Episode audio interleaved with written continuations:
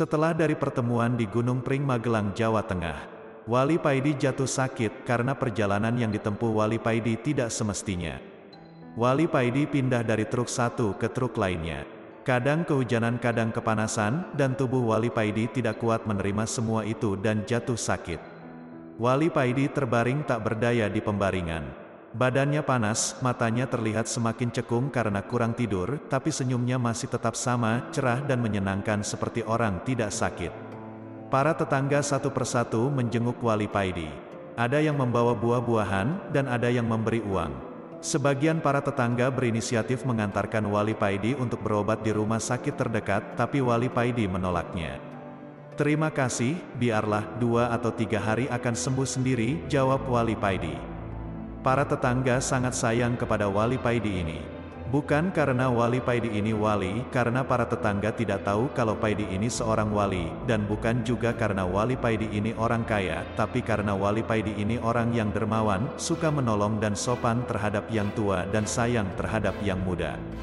Ketika memasuki hari ketiga, tubuh wali Paidi demam tinggi.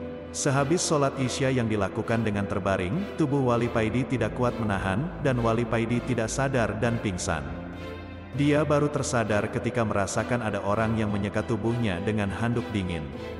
Orang ini sangat ganteng dan bersih, seorang pemuda yang sangat tampan.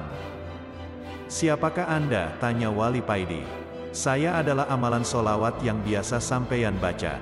Saya akan menjaga sampeyan sampai sembuh, ucap pemuda ini. Wali Paidi kaget juga mendengar penuturan pemuda ini. Apakah aku sudah mati? Tanya Wali Paidi. Dengan tersenyum pemuda ini menjawab, belum. Wali Paidi tertegun dan terdiam. Tidak lama kemudian ada yang mengetuk pintu kamar Wali Paidi. Assalamualaikum, ucap tamu tersebut. Waalaikumsalam, jawab Wali Paidi dan pemuda ini berbarengan. Pemuda ini membungkukkan badannya dan berbisik kepada Wali Paidi. Kang, tamu yang datang ini adalah malaikat, bisik pemuda. Apakah malaikat Israel? Tanya Wali Paidi. Bukan tapi malaikat rahmat jawab pemuda sambil tersenyum. Kalau begitu bukakan pintu kamarnya mat. Gak papa kan kalau kamu aku panggil Somat ujar Wali Paidi. Iya gak papa kang, jawab Somat dengan membuka pintu kamar. Tampaklah yang masuk seorang pemuda yang juga tampan dengan membawa baskom. Siapakah anda? Tanya Wali Paidi, saya malaikat rahmat, jawabnya. Kopikah yang kau bawa di baskom itu? Tanya Wali Paidi. Sembari tertawa malaikat rahmat menjawab, Kang, Kang. Somat juga tertawa mendengar pertanyaan Wali Paidi. Malaikat rahmat lalu meletakkan baskom di meja sebelah tempat tidur Wali Paidi. Lalu menjawab, bukan Kang, tapi air dari telaga kausar guna diminum dan buat wudhu. Lalu malaikat yang berwujud pemuda tampan ini pamit dan sekitar lima menit kemudian datang tamu lagi. Ternyata baginda Nabi Muhammad yang datang. Kamar Wali Paidi langsung harum semerbak. Wali Paidi berusaha bangkit, tapi Nabi menyuruhnya tetap berbaring. Ali Firdaus, bergembiralah, karena derajatmu sudah dinaikkan oleh Allah, ucap Nabi kepada Wali Paidi. Nama Wali Paidi ini memang sebenarnya Ali Firdaus, tapi Nabi Hidir memanggilnya dengan sebutan Paidi. Nama yang berasal dari kata faedah.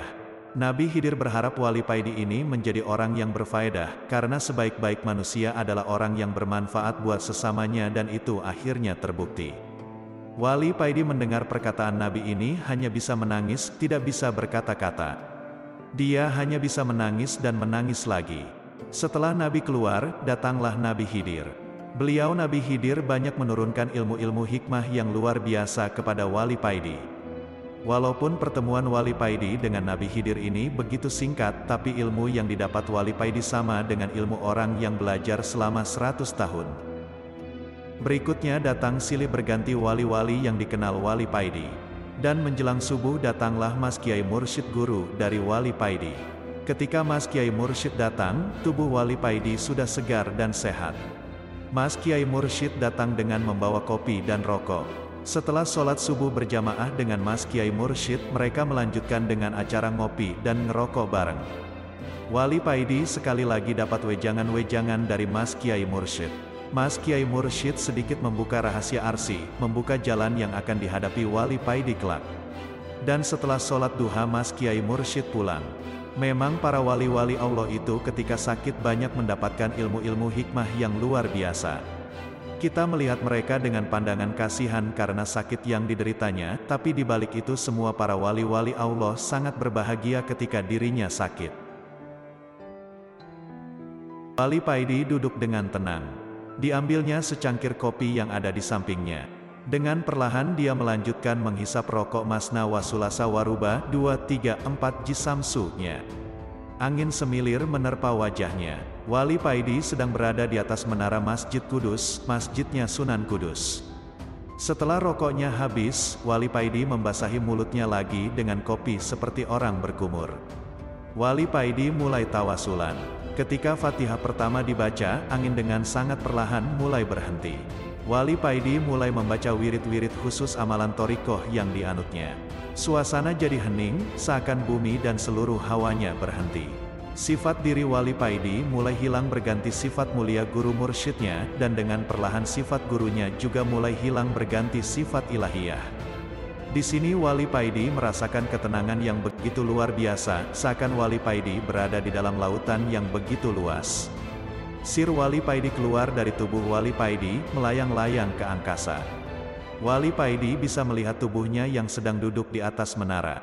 Sir Wali Paidi terus melayang mengitari kota Kudus, dan mulai terdengarlah sebuah tangisan yang begitu menyayat hati. Sir Wali Paidi mengikuti dari mana asal suara itu. Sir Wali Paidi turun mendekati keranjang sampah yang ternyata dari situlah suara tangisan itu. Sir Wali Paidi semakin mendekat, dilihatnya yang menangis itu adalah sebuah kulit semangka. Mengapa kamu menangis? Tanya Sir Wali Paidi. Aku sedih, ketika aku tumbuh besar dan terasa manis, aku diambil oleh petani dan dijualnya. Aku begitu senang bisa membahagiakan para petani, tapi ketika mau dimakan aku ditinggalkan dan dibuang, hanya isinya yang dimakan. Aku merasa tidak ada manfaatnya, jawab kulit semangka dan menangis lagi. Jangan bersedih, aku akan kembali lagi ke sini, kata Sir Wali Paidi. Dengan secepat kilat, Sir Wali Paidi kembali ke tubuhnya. Sehabis mengambil rokoknya, Wali Paidi turun dari menara dan pergi ke tempat kulit semangka yang dilihatnya tadi. Wali Paidi masih ingat betul bahwa keranjang sampah itu berada di halaman sebuah masjid yang berada di tengah kota Kudus. Setelah sampai, Wali Paidi langsung menuju keranjang sampah itu dan mulai mengais-ngais sampah. Orang-orang yang lagi tadarusan di dalam masjid heran melihat tingkah Wali Paidi, dan Wali Paidi tersenyum dengan sumringah ketika ia menemukan kulit semangka yang dicarinya, dan begitu lahapnya Wali Paidi memakannya. Orang-orang yang melihat Wali Paidi menjadi maklum. Oh ternyata orang gila toh, batin mereka dan melanjutkan kembali tadarusannya. Dengan masih mengunyah kulit semangka, Wali Paidi pergi meninggalkan masjid. Mungkin beginilah yang dialami oleh Imam Al-Ghazali, yang pada waktu itu terkenal dengan tirakatnya yang doyan memakan kulit semangka yang dicarinya di keranjang-keranjang sampah, batin Wali Paidi. Malam ini hati Wali Paidi sedang galau entah kenapa. Mengapa tiba-tiba saja perasaan galau menghinggapi hati Wali Paidi dan kepalanya tiba-tiba saja pusing. Hem, pasti ini ada yang ngerasani, gosipin aku. Wali Paidi menselonjorkan kakinya lalu menyandarkan tubuhnya di tiang langgar miliknya. Ketika Wali Paidi mau beranjak dari duduknya, datanglah seorang tamu yang langsung nyelonong masuk dan mendekati Wali Paidi. Ketika si tamu sudah dekat dengan Wali Paidi, tiba-tiba saja, Huek, Ju, si tamu dengan semangat meludahi Wali Paidi. Wali Paidi kaget bukan kepalang. Siapa si tamu ini, kok tiba-tiba saja meludahi aku, batin Wali Paidi. Huek, huek, Ju, si tamu meludah lagi, kali ini mengenai mata Wali Paidi. Wali Paidi diam saja. Dengan ujung bajunya dia mengusap ludah yang mengenai wajahnya. Dengan bekacak pinggang si tamu ini mengangkat wajahnya lalu menunduk lagi dan huek Ju, Ju, si tamu mengeluarkan semua ludahnya. Wajah Wali Paidi jibrat ludah semua. Wali Paidi mulai menangis. Dengan perlahan Wali Paidi mengusap lagi wajahnya, lalu dengan lembut Wali Paidi bertanya kepada si tamu, siapakah Tuan? Si tamu dengan tersenyum menjawab, aku adalah malaikat yang disuruh mengujimu, karena orang-orang banyak yang memuji, kalau kamu adalah orang yang sabar, makanya Allah menyuruhku untuk membuktikan apakah benar pujian orang terhadapmu. Dan ternyata benar, kau memang orang yang sabar, jawab orang itu lalu ngeloyor pergi. Wali Paidi hanya tertegun, dan tidak begitu lama datang lagi orang yang sangat perlente. Wajahnya ganteng, gagah dan memakai setelan jas dan berdasi. Sungguh gagah dan ganteng sekali setelah turun dari mobil mewahnya. Si tamu mendekati Wali Paidi dan dengan tersenyum si tamu ini duduk di dekat Wali Paidi. Mas maaf mengganggu sebentar, bisa minta duitnya mas, ATM saya tadi hilang, buat beli bensin mas, kata si tamu. Wali Paidi memandang si tamu dengan heran, minta berapa tanya Wali Paidi. Sedikit mas, satu juta saja, jawab si tamu. Wah kalau segitu gak punya aku, jawab Wali Paidi. Ya berapa saja, pokoknya ada pinta si tamu. Wali Paidi agak ragu, tapi dia membuang jauh-jauh perasaan itu. Bagaimanapun dia harus menolong orang yang butuh pertolongan, gak peduli siapa pun itu. Wali Paidi menurunkan kopiahnya dan mengambil uang dari selipan kopiahnya. Tanpa dihitung dia menyerahkan semuanya. Dengan tersenyum sumringah si tamu menerima uang pemberian Wali Paidi. Terima kasih, ternyata benar pujian orang-orang terhadapmu, kamu adalah orang yang dermawan, kata si tamu. Siapakah Tuan? Tanya Wali Paidi. Aku adalah malaikat yang disuruh mengujimu, jawab si tamu lalu ngeloyor pergi seperti tamu yang pertama. Wali Paidi menunduk.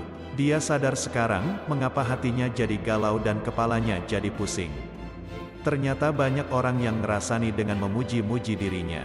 Dia tahu bahwa Allah lah yang pantas dipuji. Allah lah yang maha penyabar, Allah lah yang maha dermawan, Allah cemburu dan mengutus malaikat mengujiku, karena banyak yang memuji aku sebagai orang yang sabar dan orang yang dermawan. Assalamualaikum, Wali Paidi tersadar dari tafakurnya, setelah mendengar suara orang yang mengucapkan salam kepadanya. Waalaikumsalam, jawab Wali Paidi berdiri. Di depan Wali Paidi wanita yang sangat cantik, memakai celana ketat dengan atasan baju longgar lengan panjang putih, dan memakai kerudung ala kadarnya, tampak rambutnya yang berkilau kemerahan. Kenalkan nama saya Mulan Jamila, ucap wanita ini dengan genit sambil menyodorkan tangannya. Wali Paidi terdiam dan membatin. Ujian apa lagi ini? Diuji apa lagi diriku ini?